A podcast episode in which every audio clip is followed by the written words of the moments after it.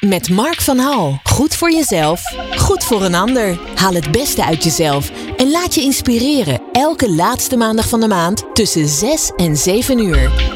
Zo, we zijn er weer met Doing Good op Good Life Radio. Wauw, het is. eh, ja, we hebben de zomer bijna gehad, zou je denken. Maar gelukkig eh, blijft die zon maar doorschijnen. Helaas een beetje droogte.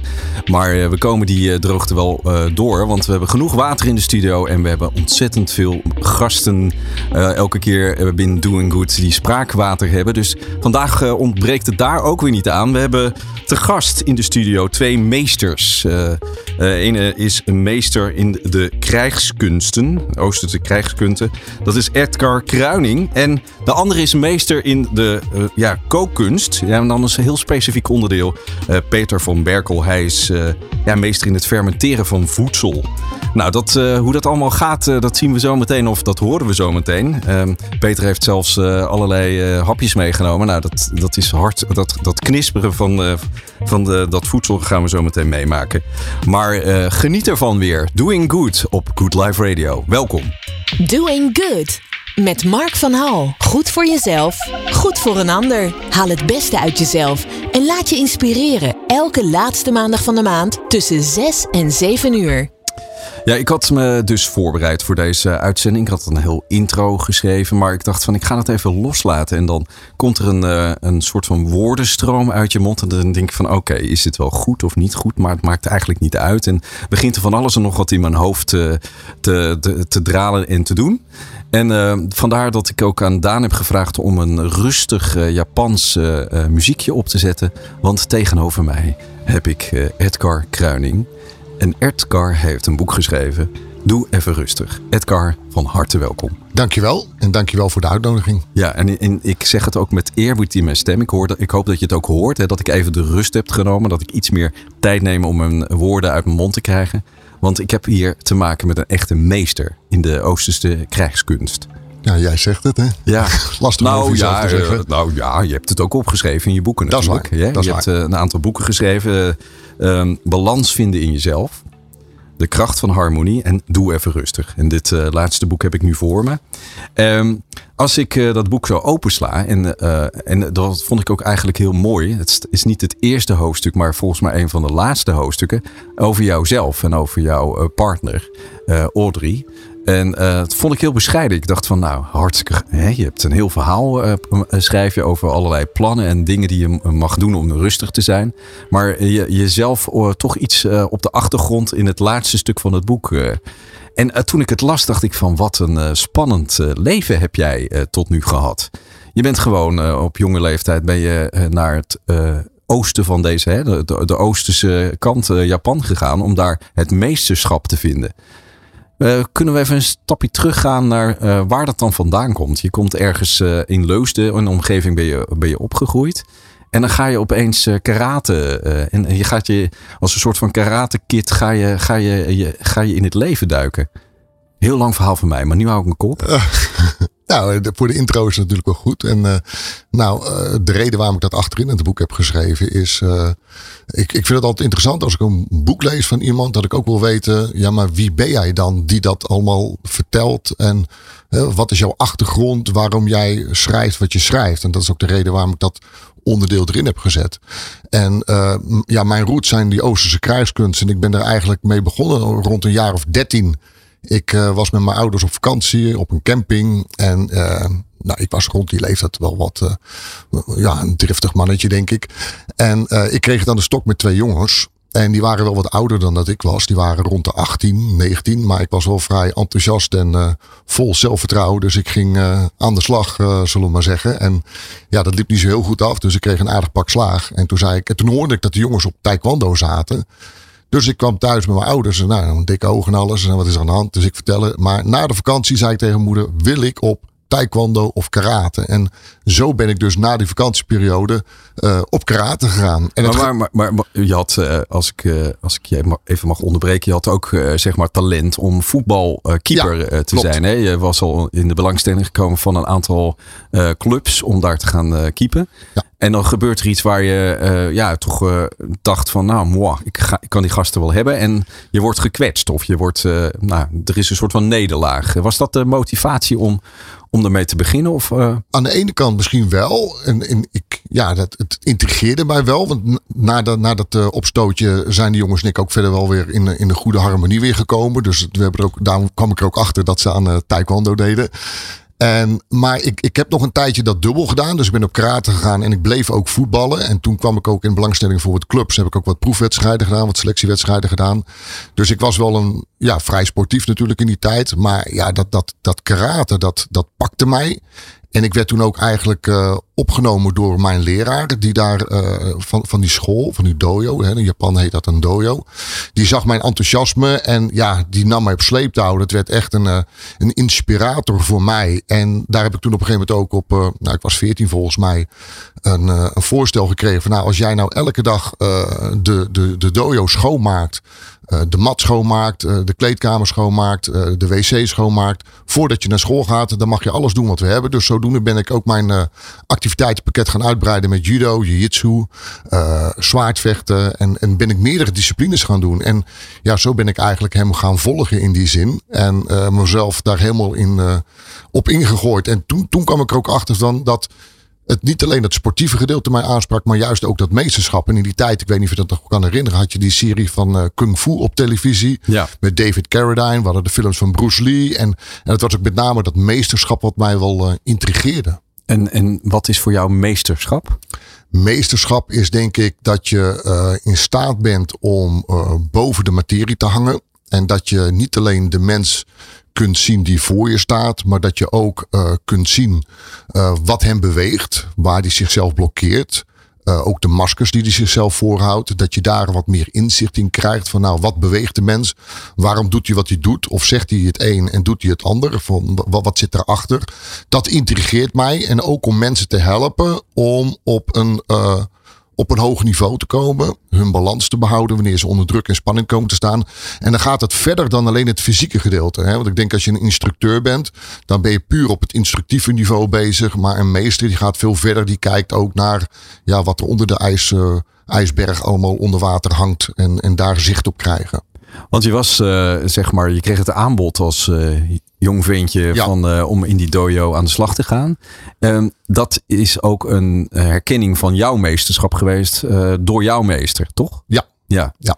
En, en hoe, hoe, want ja, ik bedoel, schoonmaken. Als ik mijn zoon nu vraag om af en toe de vaatwasser uit te ruimen, dan krijg ik hem niet zover. Maar, uh, maar, maar hoe, hoe, hoe zat dat dan precies bij jou? Er zat blijkbaar gewoon een soort van drang om, om da daarmee aan de slag te gaan. Ja, ik denk ook dat het een soort commitment is. En uh, als ik zelf kijk ook naar leerlingen. Uh, ja, waar wil je iets aan kwijt? En je wil iets kwijt aan iemand waarvan je ook weet dat het in, in goede aarde valt. Hè? Dat, dat, dat het ook waard is om dat aan iemand kwijt te kunnen. Je kennis en kunde in dit geval.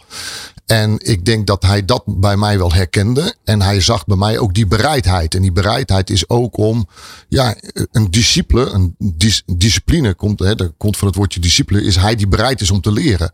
Dus ik denk ook dat dat tussen die leraar en een leerling, een meester en een leerling, ook is even aftasten van hoe ver is hij bereid om te gaan. En hoe committed is hij daarin? En ik denk dat dat ook een soort uh, ongesproken uh, ja, ja, wat je daar ziet, het proces wat je daar ziet, wat er gaande is. En kun je ons even meenemen naar wat het vanaf dat moment gebeurd is? Hè? Want het, is, uh, het lijkt inderdaad een, een kopie van Karate Kid. Hè? Ja. Dat, je hebt je meester ontmoet, je gaat keihard aan de slag. het gaat niet altijd van een leien dakje, neem ik aan. Je moet er Nee. hard voor werken. Ja. Ja, het is, het is een harde wereld. En uh, ik heb natuurlijk mezelf opgewerkt. Ik kwam op een gegeven moment in Jong Oranje bij de judo-selectie. En ik deed heel veel karatewedstrijden. Maar uh, ik, mijn leraar nam me mee naar Frankrijk. En daar kwamen altijd heel veel Japanse grootmeesters om daar seminars te geven. Frankrijk was toch wel een beetje het centrale land voor Europa waar... Dit soort leraren terechtkwamen. En Japan is natuurlijk de bakermat van die Oosterse krijgskunsten. Dan heb ik het over judo, aikido, karate, jiu-jitsu. Uh, en ik dacht, ja, daar kwam ik in contact met deze grootmeesters. En, uh, en ik denk ook dat je elke keer weer naar een nieuw plafond zoekt. En ik kreeg op een gegeven moment ook de uitnodiging van die leraar. Van nou, Edgar, als je professional wil worden en je wil je echt verdiepen in, in de Oosterse krijgskunsten, dan moet je naar Japan toe komen. Dan, dan proef je ook de cultuur, dan leef je het Japan, dan voel je ook echt van waaruit iets voortkomt. En dan krijg je ook een veel diepere understanding van waar die uh, Oosterse kruiskunsten vanuit uh, voortkomen. En toen ben je gegaan? Nee, ik ben eerst. Uh, ik ben eerst naar Thailand gegaan, want het was in die tijd, en we praten over 91 volgens mij, ja, je had geen internet, dus je kon ook niet zomaar even uh, dat, dat boeken en plannen. En de omgeving, en dan heb ik het over de hoger gegradueerde leraren in die tijd in Nederland en Frankrijk, ja, die vonden dat natuurlijk niet zo fijn, omdat ik een beetje om de gevestigde orde in Europa heen ging. Maar ja, de Japanse leraar hadden mij wel uitgenodigd. Dus ja, luister, ik ga gewoon. We hebben geleerd, uh, tenminste dat heb ik geleerd, dat je die uitnodiging moet aannemen. Want anders ja. heb je een probleem natuurlijk. Ja. Dan schaadt je een soort van eer. Dat klopt, maar ja. je leeft wel in de wereld waar je leeft. En, en, en dan is het soms lastig als je dan uh, met twee verschillende signalen te maken krijgt. Ik ben eerst naar uh, Thailand gegaan. Daar heb ik een tijdje in een, een, een Thai-boxkamp gezeten. En vervolgens daar heb ik ja, toch wel die cultuur al leren ontdekken. En toen heb ik met heel veel moeite in die tijd een ticket kunnen bemachtigen dat je een drie maanden lang naar Japan toe. Hè, dat je naar Japan ja, maar voordat je naar Japan gaat, hè, want dan ga ik. Want wat ik zo mooi vond in jouw boek, dat je schrijft op een gegeven moment naar Thailand, dan kom je daar en dan werd er ook. Uh, werden uh, zeg maar aan de meesters waarvan je les kreeg, of een soort van spirituele uh, zeg maar gaven toebedeeld. Maar jij schrijft eigenlijk in je boek van nou, dat is helemaal niet uh, spiritueel. Het is gewoon kaart werken, knokken, uh, focus, huppakee. Nou ja, er waren natuurlijk op de films. Uh, je had natuurlijk geen YouTube in die tijd. En in die, die magazines zag je natuurlijk wel van dat ze, ja, ze stonden tegen bomen aan te hakken. En ze konden dit en met hun scheenbenen harden. Je hoort allemaal van die hele... Aardbevingen die ontstonden ja, vanwege, ja, ja. ja, precies dat. Dus je hoort allemaal van dat soort verhalen. Kijk, en, en dat ze maar als je er eenmaal bent, is het gewoon een kwestie van hard werken. Weet je, het is allemaal niet zo heel ingewikkeld. Je moet gewoon hard werken en meters maken. En, uh, en, en aldoende word je steeds vaardiger. En als je goed wil worden in iets, ja, dan is er één ding wat je niet moet doen. En dat is stoppen. Dus je moet gewoon doorgaan. Dus degenen die goed zijn, dat zijn altijd degenen die niet gestopt zijn. Mm -hmm. en, en dat is gewoon heel mooi om dat daar te ervaren. Het is eigenlijk heel pragmatisch. Het is heel simpel. Mensen maken er vaak iets heel ingewikkelds van. En daarom vind ik het ook heel interessant om het zelf te ervaren. En zelf daarheen te gaan. En zelf zien en voelen en ervaren wat het dan is. En als je dan met die toppers bezig bent. En met die leraren. Maar ook, ook kampioenen. Dan is het gewoon een kwestie van hard werken. Mm -hmm. En dat is het. En door dat harde werken ben je uiteindelijk ook in uh, Japan beland. En, en kun je daar iets over zeggen? Ja, ik, uh, nou, wat ik al zei, een, een, ticket geregeld. Ik denk dat mijn vlucht ongeveer in die tijd 17 uur duurde. Ik kwam in Japan aan. Bleek in één keer dat ik helemaal niks kon lezen. Dat was ik even vergeten dat ze alles in kanji schreven. Dus ik, uh, ja. Klein detail. Klein Geen, detail. Nee. Tegenwoordig zie je het wel in het alfabet eronder staan hoor, de treinstations. Maar ik had met veel moeite daar uh, het, uh, het loketje had ik daar kunnen bemachtigen waar ik dan met de trein eruit moest stappen. En dat was een, een reis van, nou, ik denk twee, tweeënhalf uur. Maar ik kon natuurlijk die stations niet lezen. Dus ik moet alles moest ik tellen om te zorgen dat ik bij de zoveelste wel uitstapte of overstapte. Maar dat ging uiteindelijk goed. Toen heb ik daar nog 2,5 uur rondgelopen. Toen kwam ik uiteindelijk, want ik denk nou, een, een dojo, dat herken je gelijk met die Japanse tekens. Maar ja, alles is in Japanse tekens daar. Dus dat valt helemaal niet op. Nou, uiteindelijk had ik daar die, die dojo gevonden en die deur ging open. En een van die leraren die ik ook in Frankrijk had ontmoet, die zegt, hey, ben je er? Nou, er zat wel 2,5 jaar tussen.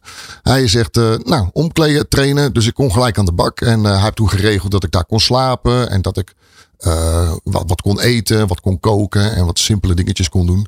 Dus ja, die heeft mij toen wel de, de opstart gegeven. En ja. zo ben ik daar verbleven.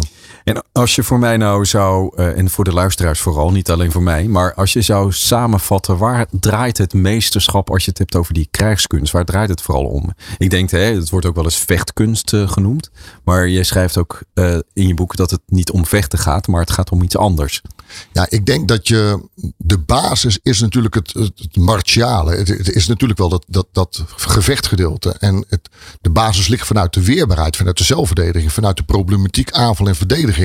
Oplossingen leren te vinden voor uh, een situatie die je natuurlijk niet wil. Maar als je wordt aangevallen, dat je wel weet hoe je jezelf moet verdedigen. Daar ligt, daar ligt de basis van al die verschillende krijgsdisciplines.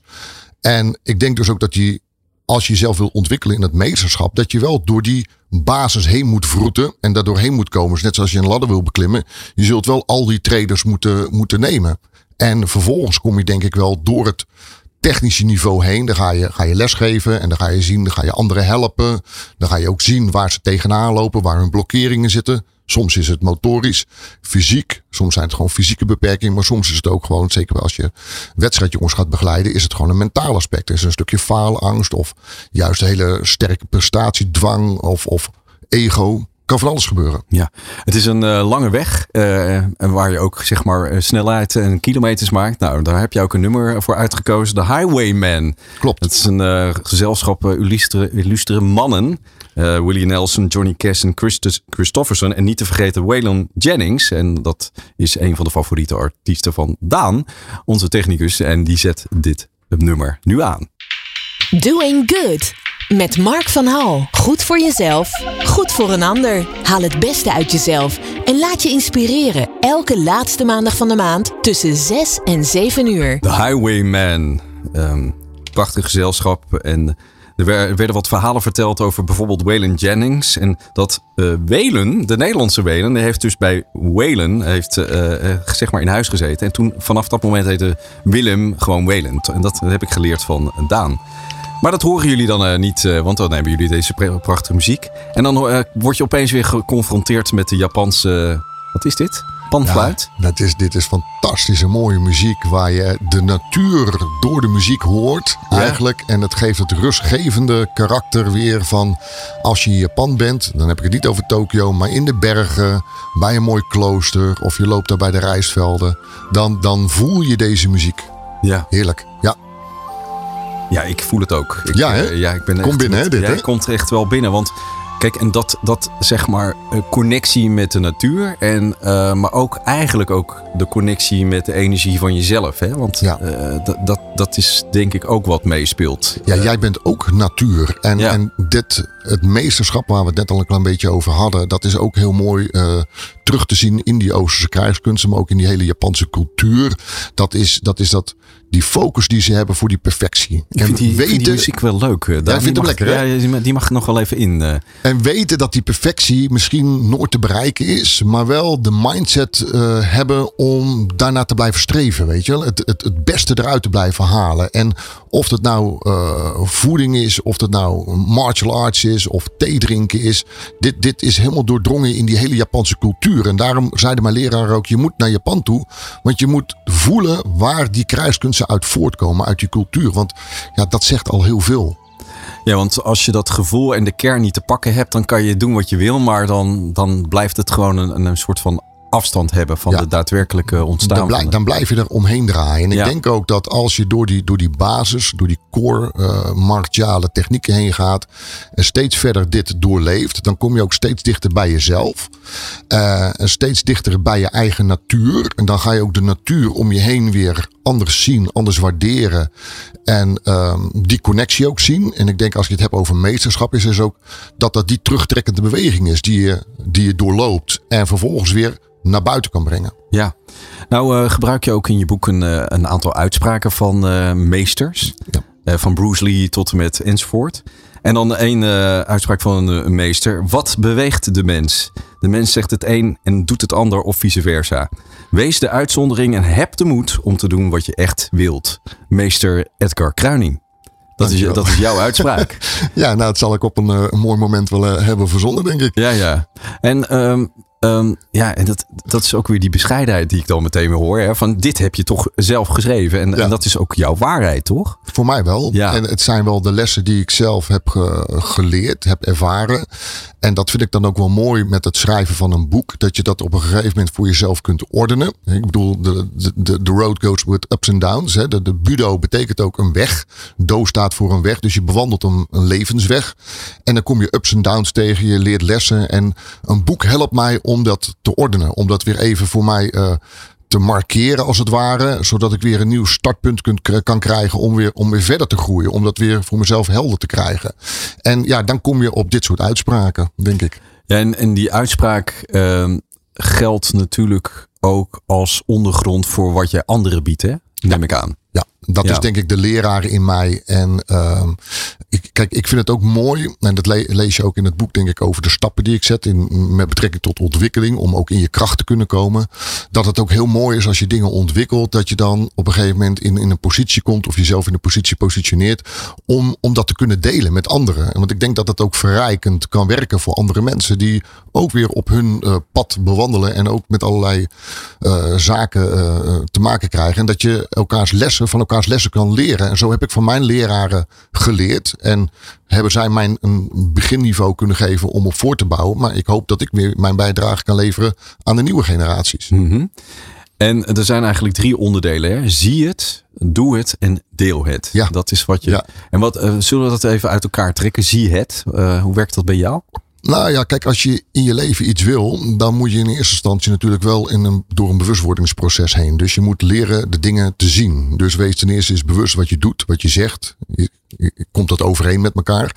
Dus daar moet, je, daar moet je zicht op krijgen. Dus je moet eerst je ogen leren openen. Mensen lopen, naar mijn idee, vaak nog wel eens blind door het leven. Doen gewoon hun ding, mechanisch gezien. He, lopen gewoon vanuit automatismes, nemen overtuigingen en automatismes van anderen over. Of het nou van vrienden zijn of van, van een school of geloofsovertuigingen. Er worden heel veel uh, overtuigingen gewoon overgenomen zonder te weten of ze nog ja, doelrijkend zijn, ja of nee. En dit processen leren inzien van hey, wat is nog goed voor mij? Wat past nog bij mij? Is dit wel voor mij? Of ben ik iemand zijn jas anders zijn jas aan het dragen? Of is dit, is dit echt mijn jas? Past dit bij mij? Ja, ik, ik werk, praat soms met, met metaforen. Maar je moet kijken of dat echt bij je past. Of het nog ja, praktisch is. En als je dat proces leert zien, dan ontstaat er een bepaald bewustwordingsniveau. Waardoor je weer in staat bent om ook een andere actieniveau in te zetten. En dan kom je bij doe het. He, dan ga je ook vanuit een hele andere energie in beweging komen en met je omgeving aan de gang. En als, dat eenmaal, als je dat eenmaal doorleeft en dat dat echt authentiek is geworden, dat het ook echt eigen is geworden van jou, ja, dan, dan is dat mooi als je dat gaat delen, zodat iedereen daar weer op zijn eigen manier uh, vorm aan kan geven. Er zit ook een stukje verantwoordelijkheid uh, bij. Dus uh, hou het niet alleen maar bij jezelf. je bewustwording en je actie. Dus ook de oogst daarvan deel het met anderen. Dat ja, is wat jij doet dus. Dat, ik denk dat dat ja, ik denk dat ook in de cyclus van de ontwikkeling van de mens en dat dat in de evoluties, dat dat sowieso belangrijk is dat dat proces doorgezet wordt. Ja. Nou, uh, vertelde je ook, en, en dat schrijf je ook in je boek, is dat eigenlijk het, de, het hele idee van de Oosterse krijgskunst en, de bereikbaarheid daarvan, ook het, stukje filosofie erachter, dat dat een soort wat tegengehouden hè, door met name de, de mensen hier in Europa, dat ze niet direct toegang hebben tot bijvoorbeeld de, de, de rijkdom van de filosofie of de, de kunst en techniek. Um, denk je dat dat nog steeds zo is? Dat, want alles is nu voorradig natuurlijk. Je kan via een YouTube filmpje kan je allerlei eh, dingen gewoon eh, nadoen, toch? Ja, nadoen is één. Maar iets eigen maken is twee. Kijk, uh, mensen doen maar zelfs nog niet eens na als ik naast ze sta. Dus laat staan dat het via een, YouTube filmpje... Er zit ook een stukje frustratie achter. Nee, nee, nee. Maar nee hoor. Het zijn gewoon de feiten. Het zijn ja. gewoon de feiten. Nee, maar ja, alles is voorradig. Maar een overvloed aan informatie kan natuurlijk ook heel verstorend werken. Um, de, de martial arts, de krijgskunsten, uh, de budo-discipline zoals we het ook wel eens noemen kent meerdere gezichten. Kijk, de meeste kant die de, meeste, die de mensen zien, is natuurlijk de sportkant. De judo is bekend geworden door de Olympische Spelen in 1964 met Anton Geesing die daar uh, kampioen werd. Waardoor het judo natuurlijk wel een mondiale discipline is geworden.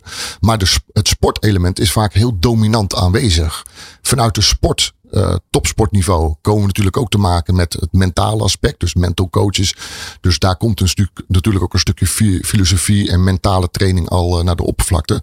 Maar in de core van de martial arts zit het allemaal al. Want de oorsprong van en de roots van de martial arts is, ligt natuurlijk in de, in de periode van de samurai. En daar ging het over het gevecht van leven en dood. Nou, er is niks confronterender als jij tegenover iemand staat met een zwaard in zijn hand.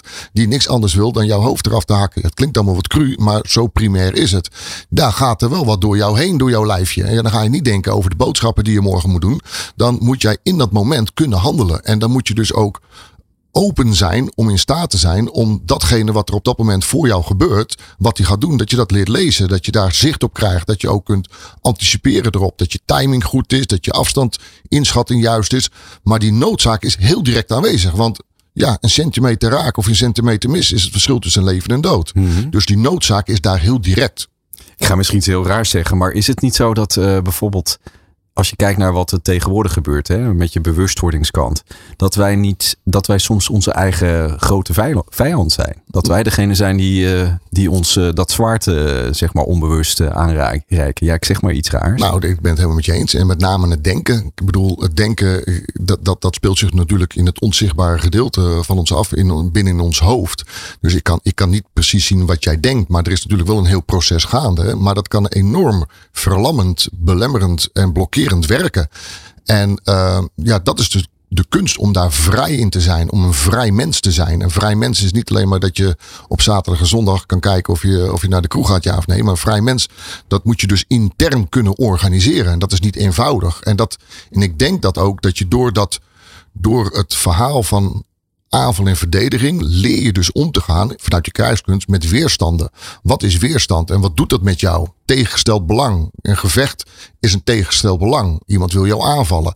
Maar een, een vervelend gesprek op je werk of met je relatie of met je ouders.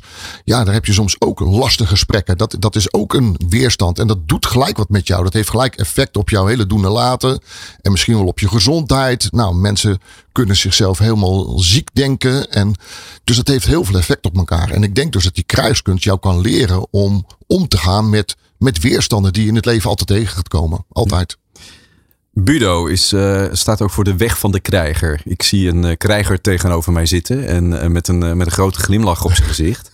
Want je vindt het superleuk om te doen, hè? Ja, ja. ja dit, is mijn, dit is mijn leven. Ja. Budo is een way of life, zeg ik ook altijd. Maar je, je ziet het, je doet het en je deelt het. Dat is wat je doet. Je, deelt ook binnenkort een tweede versie van je eerste boek. Hè? Dat, de, de, de, balans, vinden, ja, balans vinden jezelf. Ja. ja. En um, wanneer stopt jouw meesterschap, je ontwikkeling? Ik, ik hoop um, tot de laatste ademteug die ik uitblaas. Dat ik tot die tijd mag uh, blijven delen en, en, en groeien en, en, en gretig zijn. E, even mooi uh, verhaal. Mijn leraar die is 96 geworden, waar ik in Japan terecht ben gekomen. En uh, die zat op zijn 94 nog steeds op de bank naast de mat en gebruikte ons als afstandsbediening van hey, doe eens dit of draai eens daarheen of stap eens naar links of naar rechts.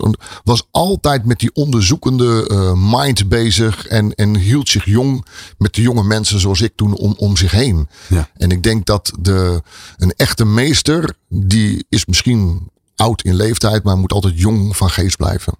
Je kreeg ook uh, in Japan uh, als een soort van afscheid, kreeg je een soort van uh, Japanse uh, zeg maar weergave van jouw naam. Kun ja, je daar nog iets over zeggen? Ja, mijn, mijn uh, leraar die had uh, op een gegeven moment mijn naam Edgar. die had dat, ja, ze hebben natuurlijk geen alfabet daar, maar wel klanken. Dus Edo Gara.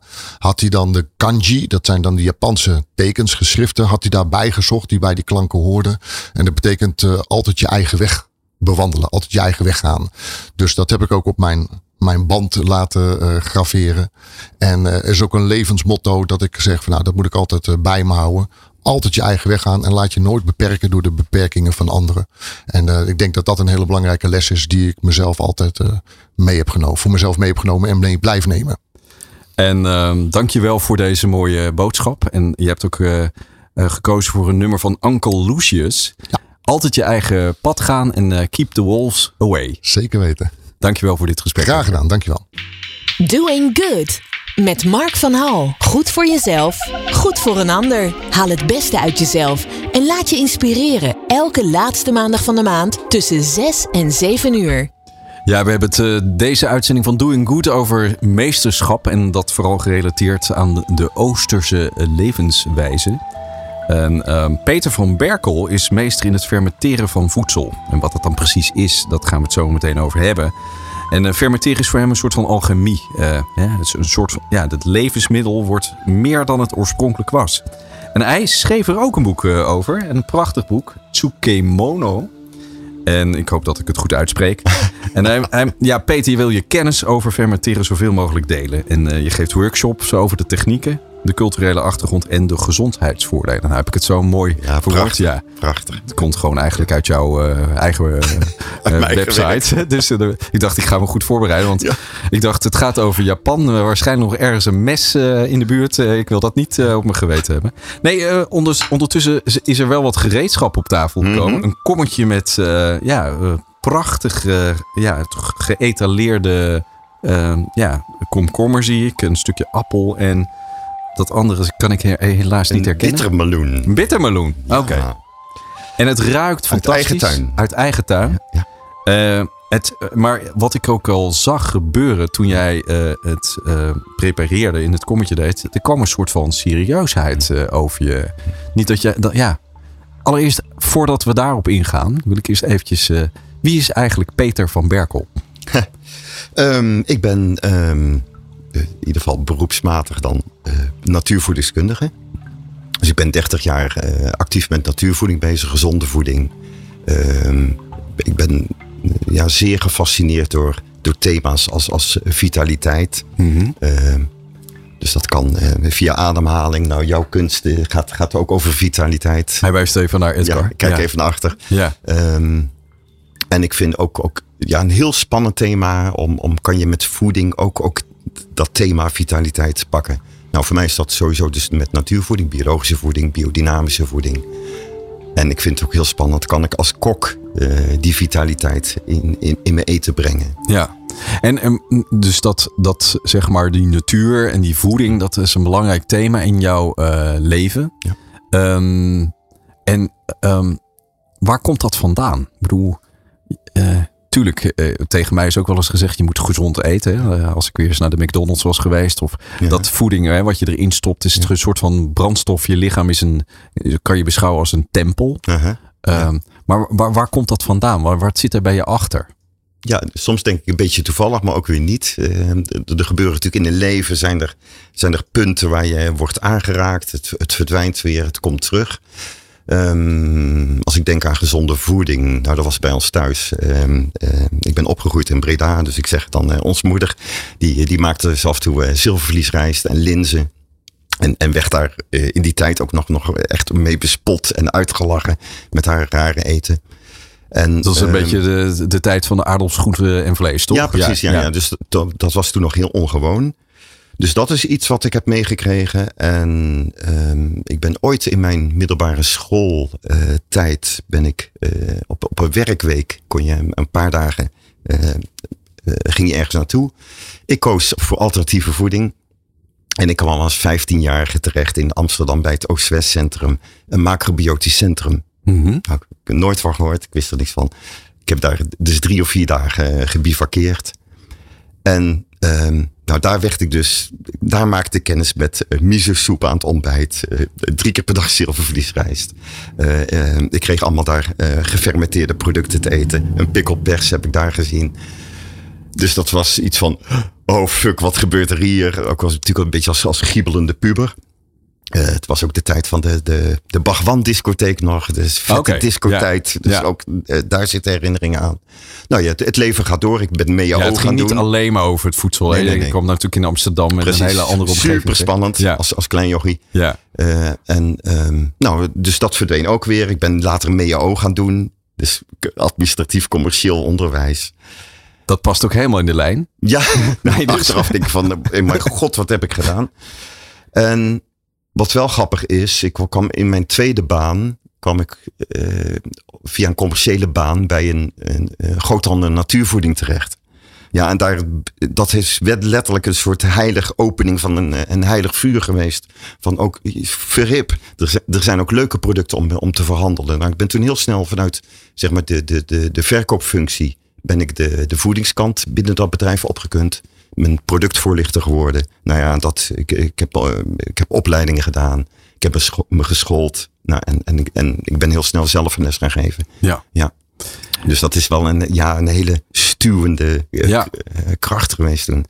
Want ehm, ik, in mijn inleiding zei ik iets over alchemie. Ja. Ehm, je bent bezig met allerlei grondstoffen. En daar maak je iets eh, bijzonders van. Dat is, dat is de, de, de, ja, de, de werking van alles wat je bij elkaar... Je bent een soort van eh, brouwerij, heksen. eh, brouw, ja, het is een een beetje oude tovenaar, ja. Ja, oude tovenaar. Ja. En ehm, voor de, de audio mensen, eh, ja, eh, ik kreeg al de vraag, eh, de, de man Peter van Berkel, is dat een broer van Hans Kazan? Ik moet toch wel even zeggen dat het niet zo is, hè? Nee. Je hebt een Maar ik snap hem wel. Je snapt hem wel, hè? Maar je hebt wel, behalve zijn stem, heb je ook wel de overeenkomst dat je, dat je iets kan veranderen eh, met dat eten. Bij Hans is dat een illusie, hè? Mhm. dat is een illusionist. Ja. Maar ehm, het is eigenlijk ook een soort van chemische eh, ja, tovenarij. Ja, ja, ja, Ja. is het ook. Ja. Ja. Want ja, bijvoorbeeld, we hadden net een gesprek met Edgar over meesterschap. Maar hoe haal je het in je hoofd om dit te gaan doen? Want het, is, eh, Ja. het kan alle kanten op, heb ik begrepen. Het kan ook giftig zijn. Het Ja. kan ook eh, ontzettend rottend eh, smaken. Ja, ja, er, het kan, er kan onderweg van alles gebeuren. de maar, finesses, jij moet alles in de vingers krijgen. Ja, ja. Aan de andere kant, het is ook heel bazaal. Want we hebben het nu over het onderwerp fermenteren. Dus dat is voor mij nou de, de laatste tien jaar in mijn leven mijn, mijn hoofdkoers. Ja. Ehm, eh, fermenteren is ook, ook ja. Het hoort bij de mensheid. Ik denk de Neandertalers die fermenteerden al. We zien het in Oud-Egypte, eh, de Mexicanen. Nou, we hebben het over Japan. Japan is voor mij ja, het land van, eh, van de eh, waanzinnig geraffineerde fermentatietechnieken. Verfijning. Echt een upleveling van, van, van ingrediënten. Dus het is, eh, het hoort bij ons.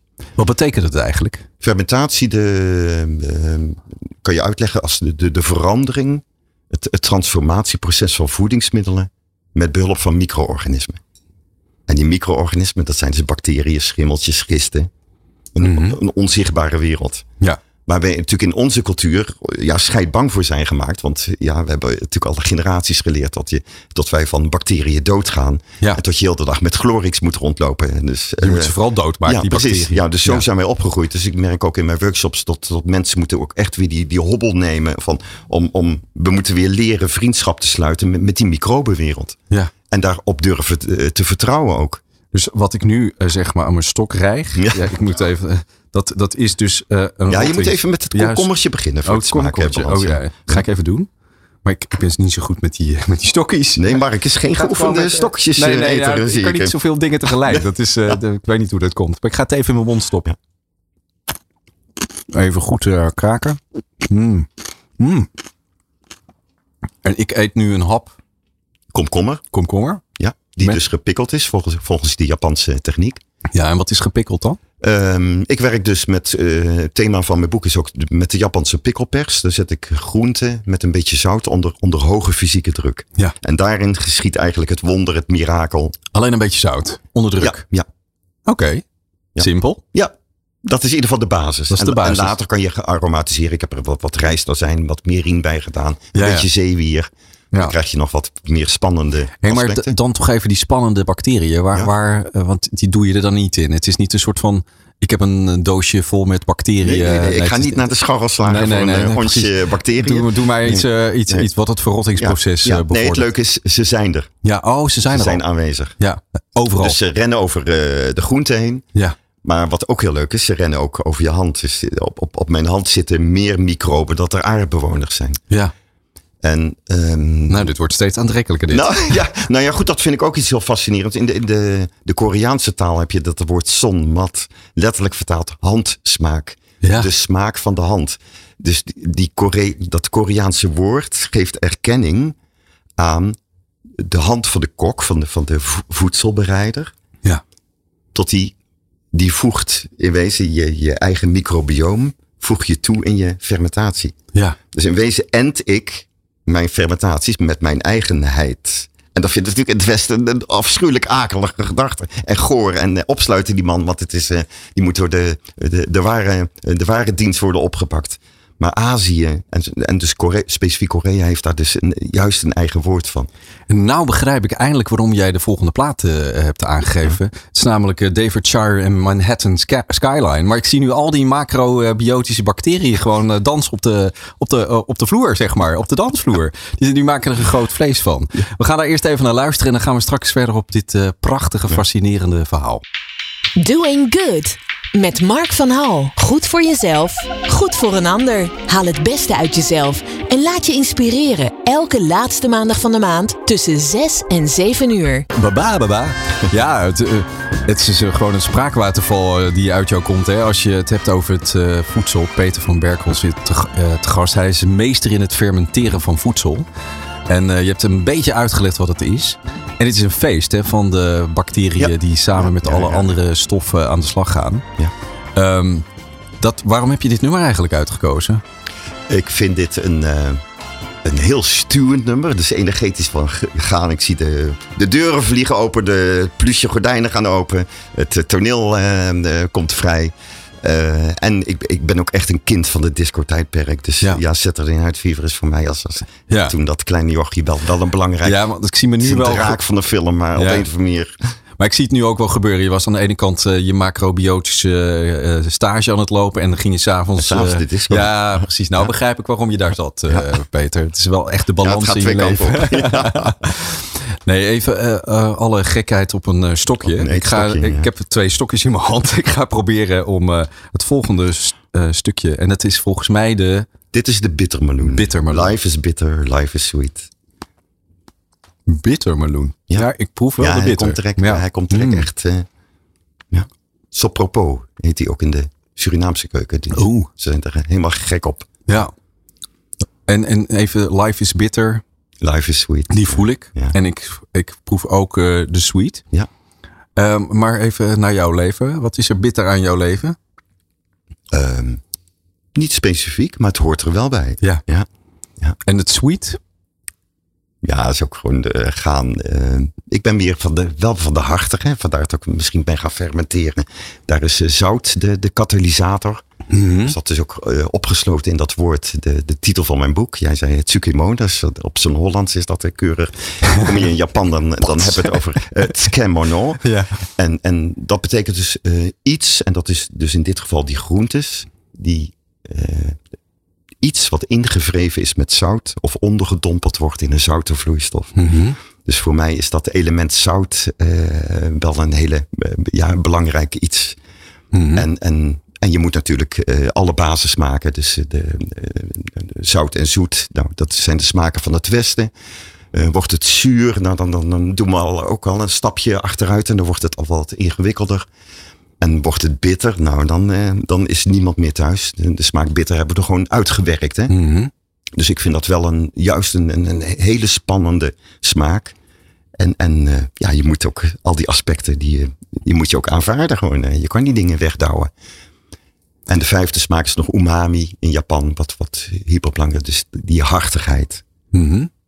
En de dressing bijvoorbeeld, wat je net proeft, is miso. En dat is zeg maar het- ook een gefermenteerde pasta. Wat toonbeeld van, van ja, een explosie van, van die umami smaak. Ja. En zo krijg je balans ook in je, in, je- in, in dit geval op een klein schaaltje, krijg je al die, al die smaken die vertegenwoordigd zijn. Terwijl jij vertelt, Peter, dan eh, doe je iets met je handen. Hè? Je, je, je, het is echt gewoon bijna magisch hoe je dat, hoe je dat uitlegt. Het is jammer dat er geen, eh geen videopodcast is. Maar Ja. je, je, je brengt de energie aan het eten en je legt het ook uit. Eh, je, je neemt mee. Hè? Ehm, je zegt ook van, nou, er zijn verschillende smaken. Ook eh, niet alleen in het eten, maar eh, als je toch even kijkt, en dan ga ik misschien iets te ver hoor, Ja. het wordt het een beetje te filosofisch. Maar als je toch kijkt naar de smaken die eh, jij gebruikt. Hè? En je, en je zegt ook van eh, misschien de smaken in het leven, ja, die hebben we uitgeveden. Hè? Ik bedoel, bitter bestaat bijna niet, willen we niet. En zuur is misschien ook een beetje. Of wrang, wat Ja. is wrang eigenlijk voor smaak? Ja, wrang is, is eh, rins, eh, samentrekkend, is meer tannineachtig. Hè? Dus wat bijvoorbeeld bij, bij rode wijn, Ja. dat is, dat is de wrangheid. Ja. Maar het, het moet allemaal zoet zijn. Het, het, het- de smaak, de verfijndheid We is. zijn wel heel gemakzuchtig geworden in het. Westen. Ja. Ja. Ja. Ja. Ja. En dat, dat probeer jij te veranderen? Ja, of? ja. ik voor mezelf in ieder geval wel. Ja. En ik neem mensen daar ook graag in mee Ja, natuurlijk. en wat gebeurt er dan als je mensen meeneemt? Want die denken van, nou, ik ga zure komkommer maken. En, Ja, de ene zegt, dan mot ik niet. en de andere, die, die kan je wel meenemen. En die, eh, die, die, die overwint zichzelf om te proeven. En dan, dan zie je vaak ook wel wat dingen gebeuren. Ja. en wat zie jij gebeuren dan? Ja. Het, het gaat ook om, om aandacht. Het gaat ook om eh, durf je je open te stellen. Durf je te vertrouwen. Ja, Ja, en dat probeer ik ook wel natuurlijk dan eh, eh, mensen wel dat, uit te dagen, Ja. uit te lokken daarin. Ja. ja. Ja. Want we, Het is natuurlijk makkelijk om nee te zeggen. En dat mag ook natuurlijk. Maar, Ja. Ja. Want eh, we hadden het over zie het, doe het en deel het. Hè? Dat dat een, een belangrijk uitgangspunt is eh, in de Oosterse levenswijze. Je hebt het ook gezien. Je, je hebt veel door. En je hebt het ook zeg maar vastgelegd in het boek. Met die prachtige titel die jij beter kan uitspreken dan ik. Kun je dat nog één keer doen? Tske mono. Tse Mono. Ja. En op Zolland Ja. Tsukemono. Tsukemono. Ja, doet u mij een Tsukemonootje. Ja. En, ehm, en, en eh, dat is dus het, het, het begrijpen hoe het werkt. Ehm, wa- wat, wat is jouw missie, eh, los van het vertellen van hoe het werkt? Maar wat is, wat is je levensmissie eh, die aansluit bij Ja. dit wat je doet? Nou goed, ik vind zeg maar Zet hem even, ik, ik doe het eigen, eh, precies zoals jij het doet. Hè? Ik zet je even onder druk nu. Ja. Een beetje zout erbij en een beetje Ja. drukmiddel. Ja. Nou ja, voor mij is die natuurvoeding is e- echt een rode draad in mijn leven. hè. Dus daar, daar ben ik nu ook al decennia mee bezig. Voeding en gezondheid. Ehm, ik ben ook kok. Dus ik ben een, een, een kokend mens en een proevend mens. En ik ben natuurlijk met die, met die gezondheidskant bezig. Mhm. Voor mij pakt ook dit onderwerp fermenteren, pakt daarin weer perfect eh, deze aspecten. Ene kant hyperculinair. Je hebt net eh, dat knapperige, wat, dat ontstaat dus in dat proces. Die komkommer wordt knapperiger door dit proces. Ja, Hij was, dus Ja, klopt. het- het- hij wordt anders. ja. Dus er gebeurt iets Dus met de dat vind ik substantie. als, als Ja. de, de culinaire kant hyper interessant. Maar je zal ook merken dat deze dingen hebben ook weer invloed op je spijsvertering. Dus op je, op je hele. eh, en dus eh, op lange termijn op je immuunsysteem, je weerstand, et cetera. Dus daar komt voor mij de, de natuurvoedingskant, de gezondheidskant. Dus voor mij snijdt dit mes echt aan twee kanten. En, ehm, en ik vind wel heel. Dus mijn missie is wel tot de mensen dit gewoon zelf thuis moeten gaan doen. En niet een potje in de supermarkt kopen, wat dan vaak weer gesteriliseerd is. Mhm. Want het gaat er ook om dat je gewoon juist dus levende voeding, waar die microben dus nog in rondrennen, dat je, dat je die eet. Want dat geeft weer hele voeding aan je, aan je hele eh, darmsysteem. Ja. En als je darmen goed werken, dan heeft dat invloed op je hele eh, welzijn. ja, want ze noemen de darmen ook wel de, eh, ja, de hersenen. Hè? Ja, precies. een soort Ja, van ja. te- te- Ja. ook, ook intelligentie en ook geeft ook veel terug over hoe het met je lichaam eh, gaat. Ja. Het is En daar- je, de basis van je gezondheid. Ja. En de westerse darm, ja, dat is toch wel redelijk beroerd mee gesteld. Ja? Ja. Is die doorgespoeld met allerlei... Met een meuk? Glorix, ja. Ja, ja, ja, Met, met de Glorix. Ja, ja. Ja, en dat is niet goed. Nee. Nee. Nee. En, ehm, en wa- wat, wat is, eh, als je kijkt naar de, be- eh, de bereikbaarheid, eh, daar, hè, als, je, als je dat als uitgangspunt hebt, Mhm. dat zoveel mogelijk mensen dit gaan doen. Ja. wa- Wat, wat is de weg die ze kunnen bewandelen? Ehm, Jouw boek kopen? ja. Ja. ook de YouTube-filmpjes. ja. Je kan een workshop, er zijn boeken op de, hand, op de markt. Maar er zijn een aantal gewoon hele basale technieken. Zijn. Voor mij is bijvoorbeeld de, ehm, heel leidend. Gewoon 2% zout. Dat is bijna bij alle mijn fermentaties, met mijn groentefermentaties, is gewoon de, de formule. Ja. Dus 2% zout op het gewicht van je groente. Ja. Nou, je hebt een eh, leeg jampotje, je hebt een rode biet, je hebt een potje zout. Dan kan je al fermenteren. Oké. Dus het is ook, ja, nogmaals, zo bazaal als wat. Ja. Kinderspel.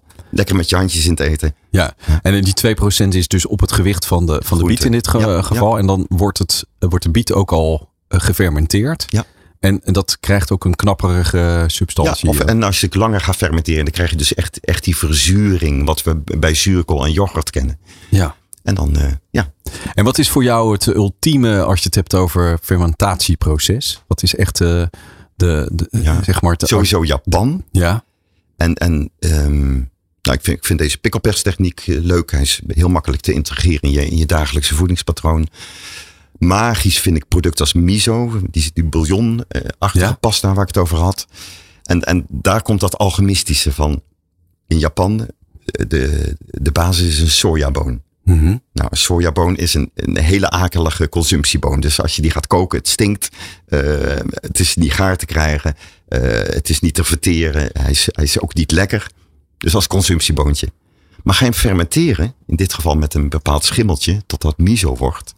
Ja, dan wordt die, eh, die saaie sojaboon wordt eigenlijk een elixir. Een soort, ja, godenspijs. is Natuurlijk even eh gechargeerd. Maar dan, krijg je dus dat transformatieproces in de duisternis, in de onderwereld, een afgesloten pot. Dus het is ook een soort, soort onderwereldproces, hè? Een soort, eh, ja, misschien een soort doodsproces. En als het opgeeft, gaat het de deksel van je pot. En dan heb je dus die, die, in die duisternis die transformatie gehad.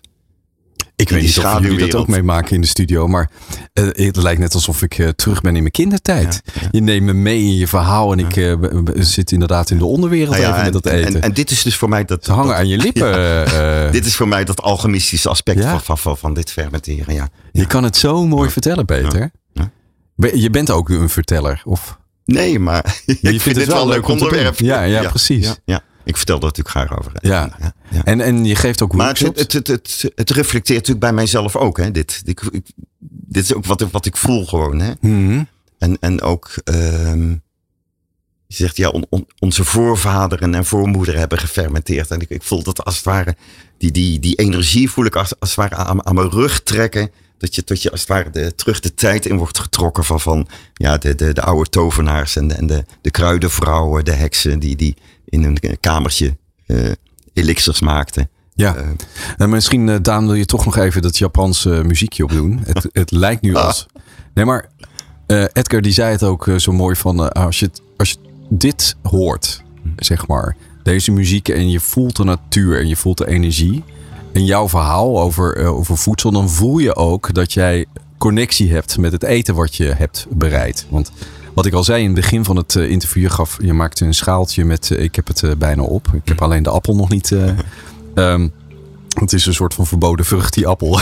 ik mag hem niet aanraken. Nee, maar je, je je hebt zoveel liefde voor, voor die materie en voor die energie. En dat wil je graag delen met, met anderen. En dat, dat, dat voel je dan ook. Hè? Eh, maar is die connectie met voedsel, eh, is dat niet eh, iets waar we echt aan de, mee aan de slag mogen als ja, personen? Ja, ja, ja, dat is een beetje En er is natuurlijk ook wel een beetje gaande. Er zijn natuurlijk een heleboel dingen gaande op dit moment. Ook qua, qua duurzaamheid. Hoe, hoe, hoe ziet de toekomst eruit met vlees eten? De, de, de, vegan beweging. Dus ja, je ziet een heleboel dingen. Ook thema's waar ik bij spreken nu ook al 30 jaar mee bezig ben. Tot dat nu echt aan de, aan de oppervlakte komt. tot het groot wordt. Mhm. Eh, ja, en we moeten natuurlijk andere keuzes maken. Zowel individueel. Van wa- wa- wat koop je? Waar koop je het? In welke winkel? Eh, de, de, de- die en, kracht en ligt koop, je- eigenlijk koop ons je eigen, eigenlijk Glorix eh, of koop je iets wat Ja. je gaat helpen Ja. in je... Ja. Want, want dat is wel een mooie vergelijking. Hè? Ja. Ehm, ja, de connectie met je voedsel en de connectie met het proces, dat, daar sta je voor. Ja. Ja, mooi. Ja. Zou je En, nog en daarin ook je, in wezen je eigen verantwoordelijkheid nemen. Ja. Ja. Zou je nog iets, eh, ehm, zeg maar, je hebt die 2% genoemd, hè? Ja. Een, een, een truc of, of een formule. Heb je nog een andere formule om te delen tot slot? Oeps. Ehm, nou val ik even stil. Ja, jij moet Ja. ook geduld hebben Ja. met fermenteren, toch? Dat, ja, je eh, moet heel veel. En dat is natuurlijk voor mij als opgewonden standje is dat een. eh, voor mij is Japan ook een, een wat dat betreft ook een hele wijze les geworden. Die gerichtheid, die eh, dat terugschakelen in, in tempo, zelfs ook in, in de handeling. Dat was voor mij elke keer in Japan. En nu, als ik thuis weer sta te stuiteren achter het aanrecht. Oh ja, hoe zou je, hoe zouden we dat in Japan doen? En dan, dan schakel ik dus terug. En eh, dat, is, wat- dat is voor mij een hele wijze les. Dus dan kom je Japan. weer, zeg maar, hoe, eh, naar, die, naar die kern. Ja. Gewoon die rust. Ja. En, eh, En de gerichtheid van, van de, de handeling, de aandacht. Dat is wat je denk ik net ook zag van. eh dus opscheppen, ja, tot je dat die klabamboem, maar dus je, je richt je aandacht. Ja. ja. En, de- is dat en daar, ook en daar is meesterschap? Japan meester in. Ja, is dat jouw meesterschap ook, de Ehm, aandacht? Weet ik niet. Dat is je leerpunt misschien. Ook. Ja. En ja, het heeft natuurlijk met bewustzijn te maken. Van, Ja. ja. Meester Peter, het was een eh, voorrecht om je hier in de studio te hebben. En ik hoop dat eh, heel veel mensen ook zeg maar het fermenteren tot grote hoogte gaan brengen. Ja. Het is in ieder geval goed voor de interne Ja, mensen. Goed Precies. voor jezelf, maar ook Ja, goed je voor wordt er gewoon heel blij van. Ja. Je doing good eh, hoort daar zeker ook bij. Ik was eh, geëindigd met een stukje appel. Kijk, En eh, kun je daar iets over zeggen? Ik kreeg een appeltje ja, hij is dorst. vanochtend van de bomen gerold. Dus, Oh, ja. Is echt, en, en hij is al gefermenteerd. Dus, nee, hij is dus licht gefermenteerd. Dus dit is die, die Japanse pikkel. En, en de, de bestanddelen van, van de dressing zijn ook allemaal gefermenteerde eh, dingen. Ja. Dus van de komkommer naar de eh, zeg maar bittere De bittere eh, meloen. en naar de appel. Ja, het zijn alle smaken zoetje, in het leven hebben voorbij zien Ja, komen. Precies. Fantastisch. Ja. Dankjewel voor je komst. Ja, en, eh, ontzettend bedankt voor je eh, voor het uitnodiging. delen van dit verhaal. Dankjewel. Doing Good. Met Mark van Hal. Goed voor jezelf, goed voor een ander. Haal het beste uit jezelf en laat je inspireren. Elke laatste maandag van de maand tussen 6 en 7 uur. Ja, dit was weer een hele mooie aflevering van uh, Doing Good. En het is niet omdat ik het presenteer of dat ik het samenstel of omdat Daan achter de knoppen zit. Ook heel mooi. Je kan het heel goed, uh, Daan. Maar het is vooral heel mooi omdat ik uh, het voorrecht heb om met twee meesters aan tafel te mogen zitten. Meester Edgar die eigenlijk zegt van ik zie het, ik doe het en ik deel het. En dat is toch een, een belangrijke gave. En wat ik zo mooi vind aan Edgar is dat hij die gave niet alleen bij zich houdt, dat meesterschap, maar ook echt gewoon uh, vermenigvuldigt en deelt. Dankjewel daarvoor, Edgar. En Peter is degene die uh, ja, zo smaakvol kan vertellen over fermenteren. Dat is eigenlijk een rottingsproces, heb ik ook wel begrepen. Maar uh, ja, dat je dan zo mooi kan vertellen over dat wat je doet, zo, zoveel passie. Dat, dan maakt het meesterschap van een ander mij zeer onderdanig. En een soort van diepe buiging op zijn Japans doe ik voor deze beide gasten. Maar ook diepe buiging voor jou dat je geluisterd hebt naar deze aflevering Doing Good. Geniet van je leven en uh, ja, doe even rustig. Doing Good. Met Mark van Hal. Goed voor jezelf, goed voor een ander. Haal het beste uit jezelf en laat je inspireren. Elke laatste maandag van de maand tussen 6 en 7 uur.